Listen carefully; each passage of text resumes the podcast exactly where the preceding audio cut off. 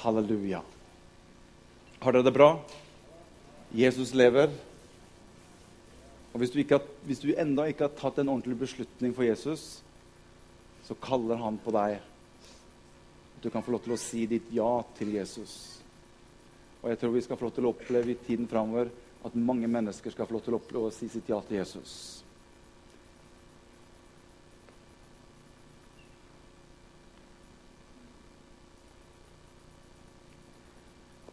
Og jeg, jeg kan sitte hjemme, og så skrur jeg på YouTube, og så søker jeg opp Billy Graham, 'Crusades'.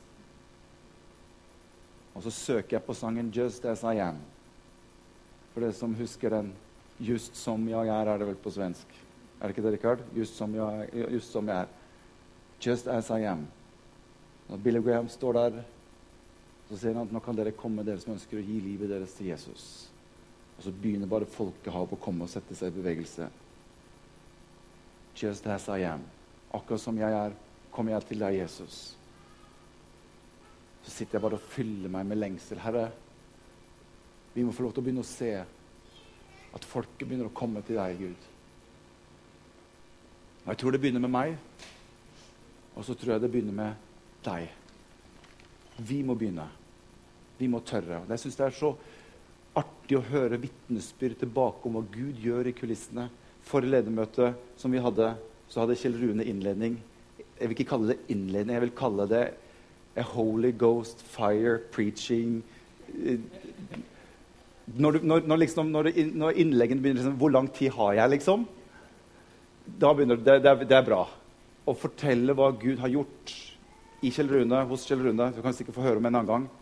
Og hvordan ringvirkningen begynner å skje inn på arbeidsplass. Gutta kommer litt inn og spør hva det der som du hadde opplevd, hva er det for noe.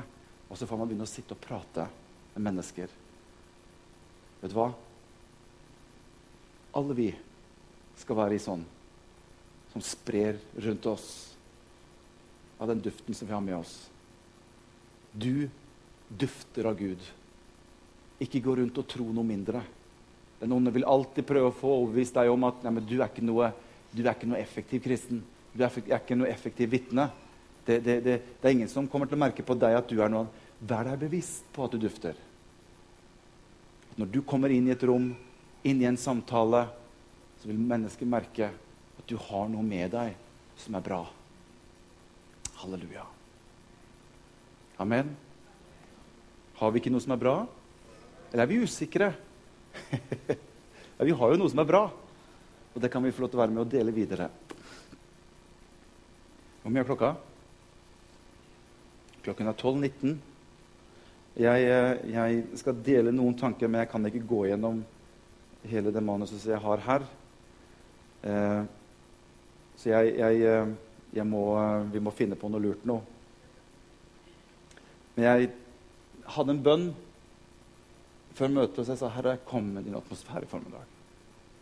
Bare fyll teateret med din herlighet. Det er det vi trenger. Vi har hørt tusenvis av prekener. Vi kan gå på nettet og vi kan få høre hvem vi vil preke de mest fantastiske prekener som du kan tenke deg.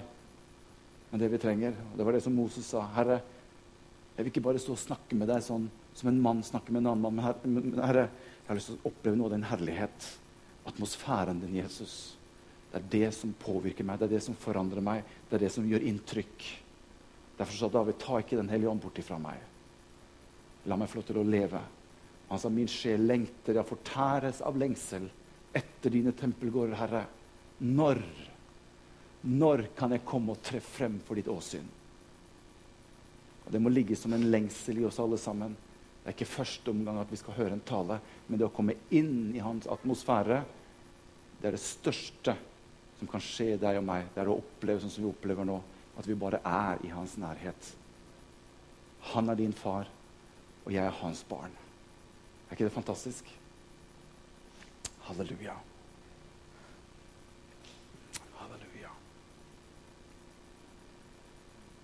Kan jeg få ti minutter? Går det greit? Ti minutter? Hvor mange er det som gir meg ti minutter for å se her? 20? er det noen høyere?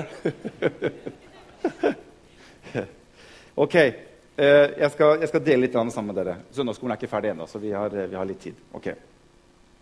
Eh, som sagt så var vi, vi var, Anette og jeg var i Bergen i går.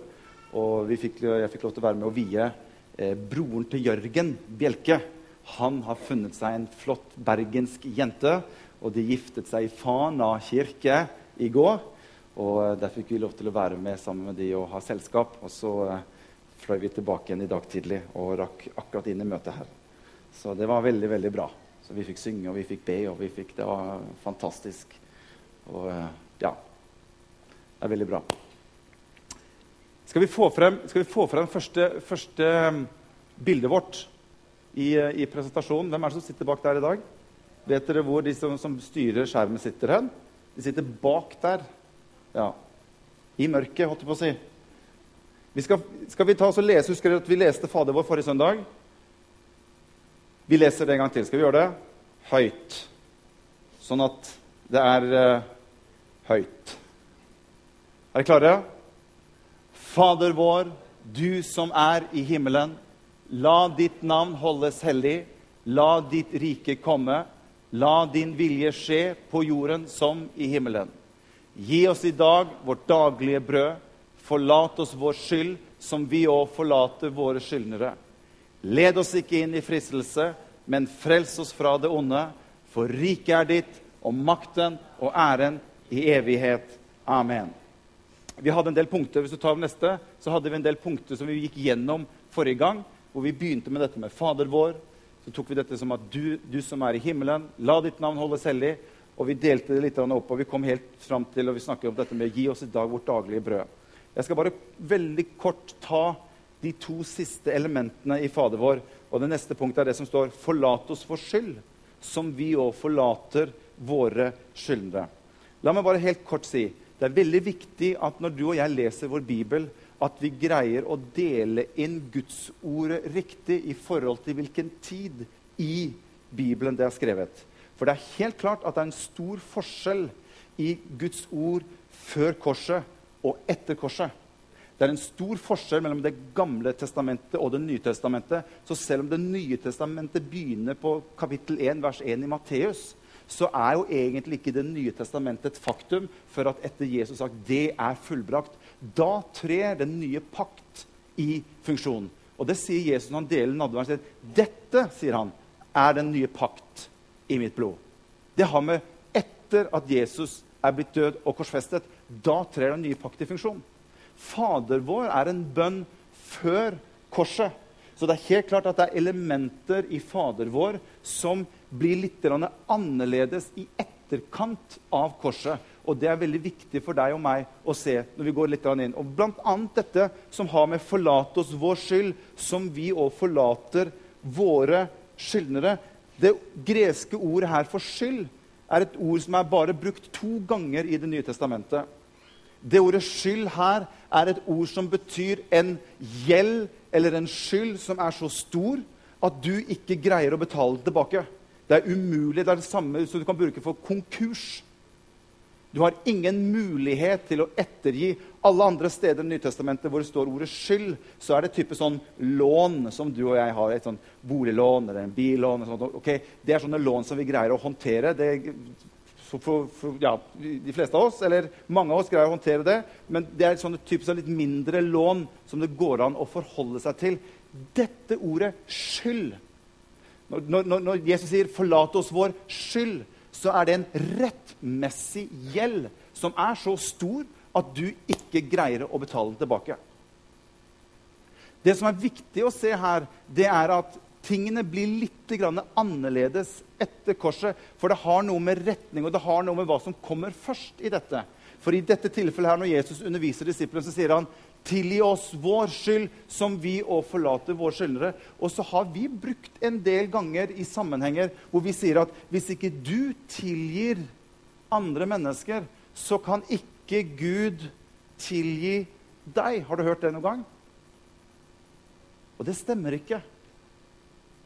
Den første tiden før korset så kunne du finne elementer av det. Men hør, det ligger ikke på din side. Det er ikke slik i den nye pakt at det er du som må ta initiativet først.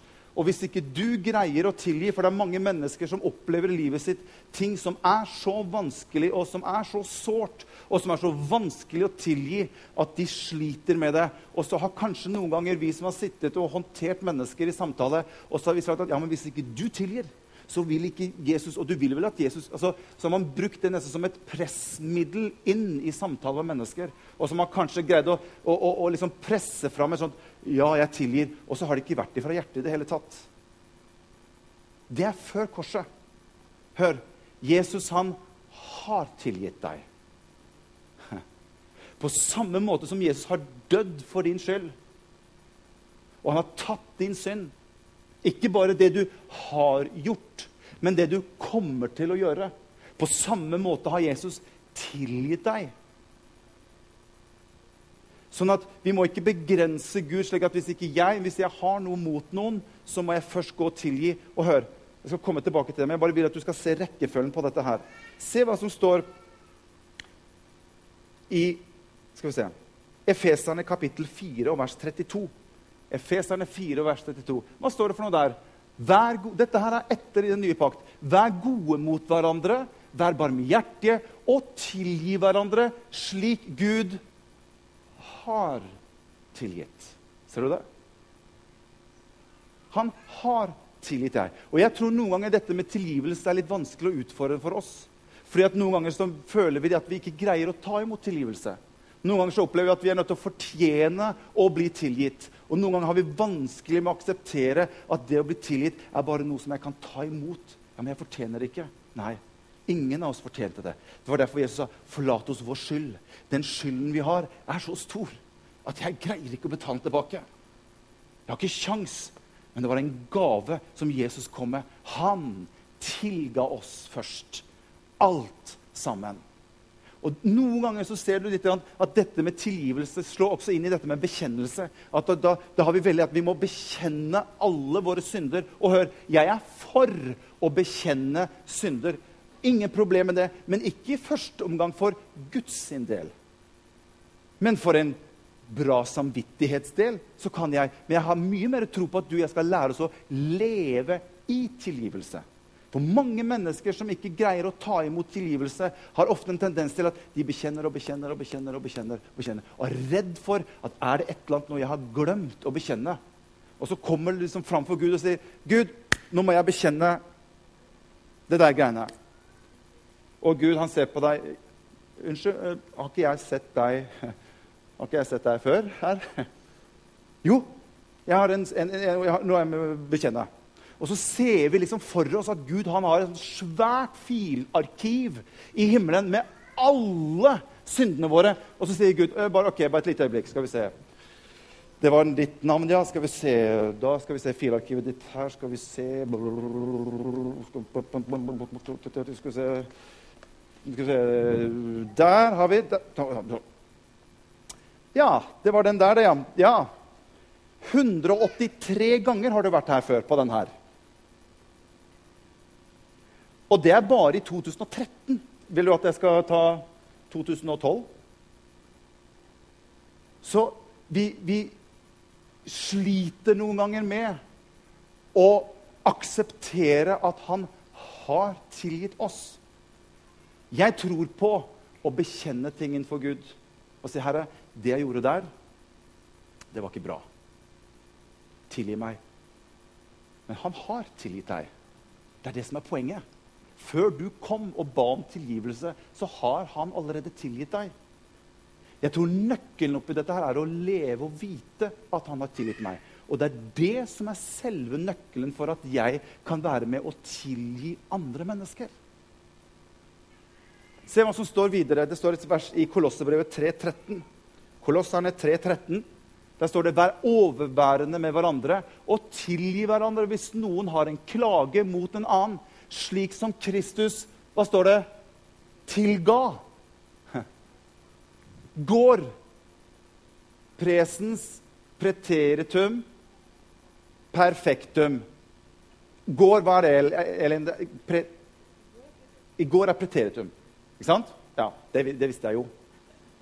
Skal bare sjekke om Elin var på Ja. Ser du det? Slik som Kristus tilga dere, slik skal også dere gjøre fremtid. Så jeg tilgir deg ut ifra at jeg har selv opplevd og blitt tilgitt. Så kan mennesket si ja, men han fortjener det ikke å bli tilgitt. Og Legg merke til på nyheter når ting har skjedd. Legg merke til hvor ofte mennesker som blir intervjuet på TV, så spør de kommer du til å tilgi han. Jeg kommer aldri til å tilgi vedkommende. Hvem er det det sårer mest? Jo, det er det mennesker som selv sitter med den opplevelsen av å aldri kunne greie å tilgi. Det er de som opplever at det blir vondt og sårt når tiden går, og dette vokser på innsiden og blir vondere og vondere. Men da er vårt budskap Forlat oss vår skyld, som vi òg forlater vår skyld. Far, takk for at du har tilgitt meg. For jeg hadde en skyld, Herre, som jeg ikke kunne tilbakebetale. Takk for at du har tilgitt meg den skylden, som var så stor at jeg var konkurs. Herre, når du har gjort det mot meg, så kan jeg enklere gå til andre mennesker og si, Herre, jeg tilgir deg. Jeg vet ikke om noen av dere som så hun gamle dama som hadde blitt robba i huset. Hun som var 93 år eller sånt nå. Hun fra Bergen. Hun som hadde, og jeg gikk på han der eh, mannen som kom inn i huset mitt, og, og så hadde hun blitt slått ned. Og så, og så på et sykehus etterpå så snakker de med hun. En fantastisk god dame. Og så sier han, 'Kan du tilgi han?' 'Ja, jeg tilgir han.' Ja, jeg tilgir han. Det er derfor jeg tenker så mye på han, sa hun. Og jeg tenkte, vet du hva? Du er jo løs der og da. Den episoden har ingen makt over deg lenger. Det som gnager, som du kanskje kjenner på inntiden, det får ingen makt fordi du bare tilgir. Hvis du og jeg kan greie ta imot den tilgivelsen som Gud har gitt oss, så er det så mye enklere for oss å kunne tilgi andre mennesker. Lev i tilgivelsen som Jesus har gitt deg. Og du får oppleve at du kan være med og tilgi andre mennesker. Takk, far, for at du har tilgitt meg, så jeg kan tilgi andre. Punkt nummer to. Led oss ikke inn i fristelse, men frels oss fra det onde. Akkurat det samme som forrige. Dette må vi se i, i, i, lys av korset. Det er egentlig litt interessant å se hvorfor Hvorfor ber Jesus dem om å be han om en bønn som han aldri ville gjort likevel? Led oss ikke inn i fristelse, men frels oss fra det onde. Gå med meg til, til, til Jakob kapittel 1 og vers 12. For du skjønner at Gud Gud kan ikke friste oss. Gud vil ikke friste oss. Gud kommer aldri til å friste oss. Det er litt rart at det da står 'led oss ikke inn i fristelse'. Men jeg tror vi må se helheten etter. I Jakob kapittel 1 vers 12 da står det 'Salig er den mann som holder ut fristelse'. For når han har bestått prøven, skal han få livets krone, som Herren har lovt dem som elsker han. Ingen må si når han blir fristet, 'Jeg blir fristet av Gud'. For Gud kan ikke bli fristet av det onde, og selv frister han ikke noen. Men hver og en blir fristet når han blir dratt bort og lokket av sitt eget begjær. Så den onde, det han kan gjøre, er å ta tak i de ting som vi lar oss friste av. Og Det er derfor jeg kommer inn og sier at det å være med å be, det å være med å leve et liv sammen med Jesus, gjør at beskyttelsen rundt deg oppe i situasjoner blir sterkere når vi lever tett innpå ham. Bevare oss fra det onde. Se hva som står videre i Hebrebrev kapittel 2. Hebreerne 2 og vers 18. Jeg går fort fram her. For ved det at han selv har lidd og blitt fristet eller prøvet Dette gjelder ikke bare sånne fristelser. Dette kan være prøvelser eller vanskeligheter også. Så står det I 2.18 står det for ved det at han selv har lidd og blitt fristet, kan han hjelpe dem som blir fristet. Er ikke det bra? Skjønner du, Gud har aldri lovd deg og meg et problemfritt liv. Det er ikke sånn at når du tok imot Jesus, ja, takk og lov, alle mine problemer er borte. Jeg kommer aldri til å oppleve et eneste problem lenger i livet mitt. Ah, ah, ah. Men han er med deg i dine prøvelser. Han er med deg i dine fristelser. Og se hva som står i, i verset ved siden av. Henger dere med? Nå har, toget gått, skjønner du. Så nå eh, Oi, oi, oi. oi. Jeg har skrevet her bønn hjelper meg å stå sterkere. Bibelen sier 'hold dere nær til meg, så skal jeg holde meg nær til deg'. Det er mye lettere for meg å beskytte Philip når han er tett innpå meg, enn som han som, som, regel er litt langt unna. Eller hvor er Philip enn nå, liksom? Det er mye lettere. Derfor er det så viktig at du og jeg holder oss nær til Jesus. For det er så mye lettere for han å være med og hjelpe oss og beskytte oss også. Se hva som står i 1. Korinterbrev kapittel 10.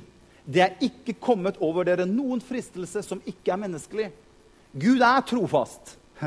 Han skal ikke la dere bli fristet over evne, men han skal sammen med fristelsen også sørge for en vei ut, slik at det kan være i stand til å bære det. Ser du det?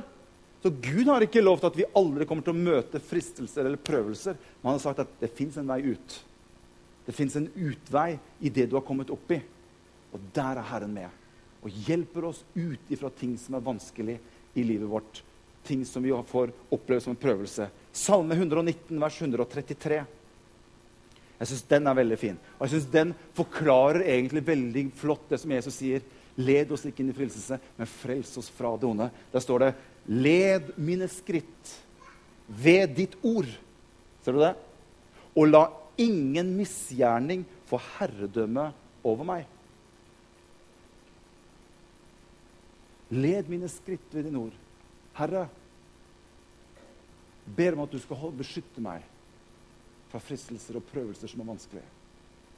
Ber om at du, du, du, du holder din hånd rundt meg. Bønn om beskyttelse i livet vårt. Og Herren har sagt jeg skal være med deg alle dager. Henger du med? Halleluja. Jeg har bare lyst til å avslutte. Jeg kommer ikke til å gå gjennom alt. Jeg bare kommer til å avslutte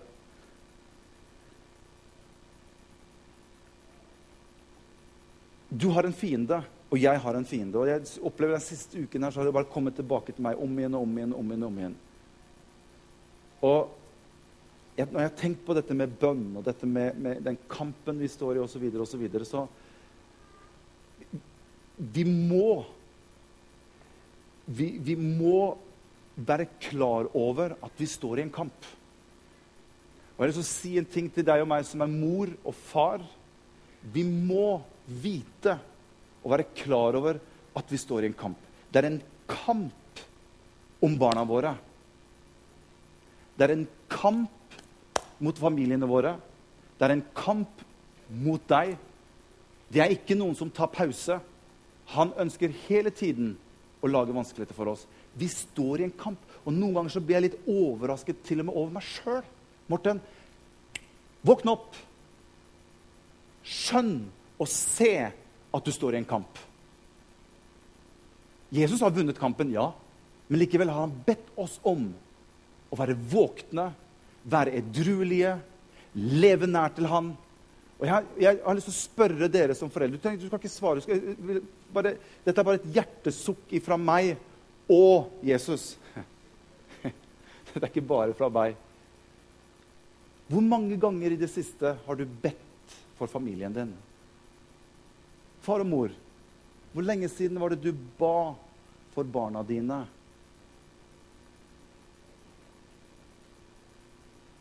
Å være bevisst på at det fins en motstander som ønsker å stjele og myrde og ødelegge. Og jeg tror noen ganger vi som, som foreldre blir så fanget opp av livet vårt at vi mister øynene som ser, ører som hører, og hjerter som kjenner etter hvordan er status quo hos oss. Ransak mitt hjerte, sa David, og kjenn og vit at jeg er på den rette vei. Det har noe med å være våken litt i livet sitt som kristen. Og du og jeg som er, og jeg vil også si til deg og meg som er far Jeg tror vi har en, et eget kall i familien vår til å være med og fange opp ting som kommer inn på radaren som har med ekteskapet vårt å gjøre, som har med familien vår å gjøre, som har med barna våre og ting som kommer inn. Det er vi som skal være de som skal først og fremst være med å fange opp ting som kommer inn. Og være med og si, vet du hva? Dette aksepterer jeg ikke inn. Du får ikke noe plass i mitt hus. Jeg og mitt hus, vi vil tjene Herren. Amen. Vi står i en kamp. Vi står i en kamp. Jeg vil utfordre alle dere som er foreldre denne uke som kommer. Oppgrader dette med bønn for din familie. Stå innenfor Gud. Si, 'Herre, jeg ønsker å stå på vegne av min familie.' Så skal jeg si, 'Jeg ønsker at hele mitt hus skal være frelst.' Og Satan, du får ingen av barna mine. Be om beskyttelse. Halleluja. Jeg kjenner at dette ligger meg på hjertet. Det ligger meg veldig på hjertet. Vi har et stort familiearbeid i denne menigheten. Et viktig arbeid. Men vi må ikke komme til det punkt at det er barnearbeiderne med Wanda og disse i spissen som skal ta ansvaret for at barna våre kommer med i Guds rike. Du og jeg som far. Du og jeg, ikke du og jeg som mor, men du som mor. Vi har et ansvar oppi dette. Holde trykket oppe til å være med å sørge for at ingenting kan komme inn og røve de fra oss. Jeg er altfor verdifull til det. Jeg er altfor verdifull til det. Halleluja. Jesus. Oh. Led mine skritt ved ditt ord. Og la ingen misgjerning få herredømme over meg. Jesus. Ett skriftsted til slutt, så skal jeg slutte. Apostelens gjerning, kapittel 4, 31. Jesus sa, 'Når du ber' Og Jeg vil si en ting før jeg tar det skriftstedet. Jeg vil bare si en ting rundt dette som har med bønn å gjøre. Jeg må komme tilbake til, for jeg, hadde, jeg har litt lyst til å si det litt. Jeg har skrevet her La ikke bønn bli noe som er en slags form for handling som gjør at måte, vi plager Gud med. Altså, vi, vi, vi, plager han så mye at til slutt så Ja da, hva er det du vil? Har du hørt ungene som står og maser? 'Mamma, mamma, mamma, det, mamma, mamma. Ja, kan ikke jeg få saft?' 'Nei, jeg har sagt at du ikke skal få saft.' 'Jo, jeg vil ha saft.' 'Nei.' 'Ja, ta saft, da.' Det er jo ingen som kjente seg igjen. Jeg må bruke et annet bilde. Skal vi se. Uh, vi, la, vi kommer til et punkt hvor vi gir etter. Og hør bønn er ikke slik. Hæ? Jeg trodde det var bønn. Nei, hør. Han har gjort. Det var derfor Jesus sa i Paulus, la din vilje skje slik den er i himmelen. Vi ber ut ifra at Gud har gjort noe for oss. I Den gamle testamentet så var det slik at Abraham kunne komme da er jeg nesten videre, Abraham kunne komme innenfor Gud. og, og har, du har du hørt om det? Han gikk på. Ja, men herre, hvis det er 40 rettferdige, hvis det er 30 Hva vil du gjøre da? Og så har vi brukt det som en nytestamentlig måte å be på. Slik er det ikke. Han har gjort alt. Han kan verken legge fra eller trekke fra, eller legge til, eller legge til, eller trekke fra, eller hvordan du vil ha det. Gud har, og Det er noe av dette som jeg av og til føler kommer inn i bønnen vår. At bønn blir sånn Og jeg, jeg, jeg bare står på helt til han gir meg. Og jeg vet at jeg skurrer borti noe av teologien men Jeg kjenner det knaker i hodet. bare, ah, 'Dette er jeg ikke så sikker på.' Ah. Kom til meg etterpå, så kan vi snakke om det. Men hør, det må være slik. Hans vilje har allerede skjedd. Vi har det. For så mange som Guds løfter er i Kristus, har de fått sitt ja.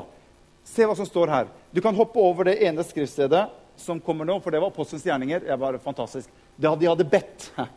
Skalvstedet hvor de var samlet. Og de ble fylt av Den hellige ånd. Det var det vi gjorde i sted. Og de talte Guds ord i frimodighet. Så kommer det et skriftsted etterpå. Se hva som står i Feserbrevet kapittel 3 og vers 20. Se her. Har dere lest, har dere lest skriftstedet før? Han som er i stand til å gjøre langt mer enn alt det vi ber om eller forstår. Er det noen som vet hva som kommer etter det? Hvordan ender det skriftstedet? Ai, ai, ai, ai, ai, ai. Dette var denne bibelkunnskapen, da. Han som er i stand til å gjøre langt mer enn all det vi ber om eller forstår. Ja, det er noen som har vært og kikka på iPhonen sin her. Nei da, bare tuller det. Se hva som kommer. Ta i neste du som sitter her. Etter den kraft som virker i oss. Kan det være mulig at Gud har tilrettelagt alt for oss? Men at det vi ser på andre siden, er etter den kraft som virker i oss. Han er i stand til å gjøre langt mer enn det vi ber om. Men det er etter den kraft som er virksom i oss. Og nå skal jeg ha tid til å komme inn på dette her. Vi må sette opp bønns ABC, DEF til høsten. DEF. Og så fortsetter vi utover helt til vår Herre kommer igjen. Da er vi på Å. Etter den kraft som er virksom i oss. Og det er her jeg tror fellesskapet med Gud, bønnen og samfunnet med Han, gjør at vi vokser inn i et fortrolig fellesskap med Han, som gjør at vi får en opplevelse at Han har gitt. Hvordan kunne jeg noe annet enn å gi dere alle ting med Han? Bønn er ikke å liksom brekke armen til Gud bakpå ryggen og så Kom igjen, nå, nå, nå gir du meg et bønnesvar. Kom igjen. Ah, ja, OK, OK. Det er ikke bønn. Det var det Jesus sa. Ikke gjør som hyklerne. De tror at det å ha mange ord gjør at de blir bønnhørt. Så sier han, 'Jeg vet hva du trenger til.' Jeg vet hva du trenger. Jeg vet hva du ønsker. Jeg vet hva dine vanskeligheter Jeg vet hva dine utfordringer er. Jo, men skal vi ikke, skal vi ikke, be, skal vi ikke be til Gud om det? Ja, Se hva som står her, da. Se hva som står videre her. Nå er jeg snart ferdig likevel, så det får bare stå til. Filipperne kapittel 4 og vers 6. Filipperne 4 vers 6. Se her. Vær ikke bekymret for noe, men la i alle ting deres bønneemner komme frem for Gud i bønn og påkallelse. Og så står det med takksigelse. Og Guds fred, som overgår all forstand, skal bevare deres hjerter og deres tanker i Kristus Jesus. Nå fikk jeg lyst til å snakke om det neste temaet som kommer i juni. Det er tankens ABC. For det er veldig viktig oppi dette. men vi skal ikke gå dit nå. Vær ikke bekymret for noe, men la i alle ting deres bønneemner komme frem for Gud i bønn og påkallelse med takksigelse. Vi satt på, vi satt på flyet og så diskuterte vi litt dette. Annette, så sier han til meg ja, men skal vi, ikke, skal vi, ikke, be videre om at han skal hjelpe oss? og skal vi ikke be... Jo, sa jeg, men hvis du har fortalt Gud om et behov eller en vanskelighet, eller sånt noe, tror du det er slik da at Gud glemmer i neste hånd? Og nå, nå ønsker jeg bare å trykke litt på teologien din. Tror du det er slik at Gud glemmer at neste gang du kommer frem Gud, at stemmer det? Det hadde jeg helt glemt. Du trenger jo Det var bra du sa, for det har jeg helt glemt. Bra du minner meg på det. Hvem er det som tror Gud er sånn? Nei, her er det ingen som tror. Men hvorfor gjør vi det, da? Vet du hvorfor vi gjør det? For vi er livredd for at hvis ikke jeg nevner mitt behov og min utfordring hver gang jeg er innenfor Gud, så kanskje jeg går glipp av bønnesvaret. Og så legger vi vekt på mitt behov og har det som utgangspunkt i min kommunikasjon inn i min bønn med Han. Jeg sier ikke at vi ikke skal stoppe å be, men hør her, vi må kunne greie å legge fra oss byrden. Vet du hva vi gjør? Vi gjør sånn. Her er byrden min. Kjære Jesus, du ser dette her. Herre, jeg legger det fremfor deg. Det står der. Herre, du ser det. Det, står rett foran deg her. Så du det, Vi legger det fremfor deg, Herre. Du får eh, Du tar deg av det, Herre. Å, eh, skal du bare stå der? Og så går vi og henter det igjen, og så tar vi det med oss. Inntil vi ber neste gang. Så kommer vi på nytt igjen. Du ser, jeg kommer på nytt igjen til deg. Jeg spurte en person en gang som hadde bedt. Så, Hvor mange ganger har du bedt om det? Mange ganger. Ja, men har du lagt det hos han? Eller har vi en evne til at vi tar det opp igjen og tar det med oss inn Og så har vi faktisk ikke lagt våre bekymringer på han. Men vi må hele tiden minne han om det, så ikke han glemmer det. For da uteblir bønnesvaret mitt. Han vet hva vi trenger til. Henger dere med på, dere med på logikken her? Og sånn tror jeg mye av bønn blir i våre liv. Derfor sa jeg forrige søndag at bønn det skal være mest mulig fellesskap med han. Hvor du kan bare være sammen med han og vite at han vet hva du trenger til. Du, vi, han vet hva du trenger. Ja, men det er godt å bare nevne det sånn for sikkerhets skyld. Det kan du sikkert gjøre. Gjør, du gjør ikke noe galt. Men jeg er bare helt sikker på at han vet. Han elsker deg. Han kjenner deg best av alle. Han vet hva du trenger til. Poenget mitt er la oss heller dele mer fellesskapstid med han. Og si, Herre, her er jeg. La oss bare være sammen. Dele fellesskap. Halleluja.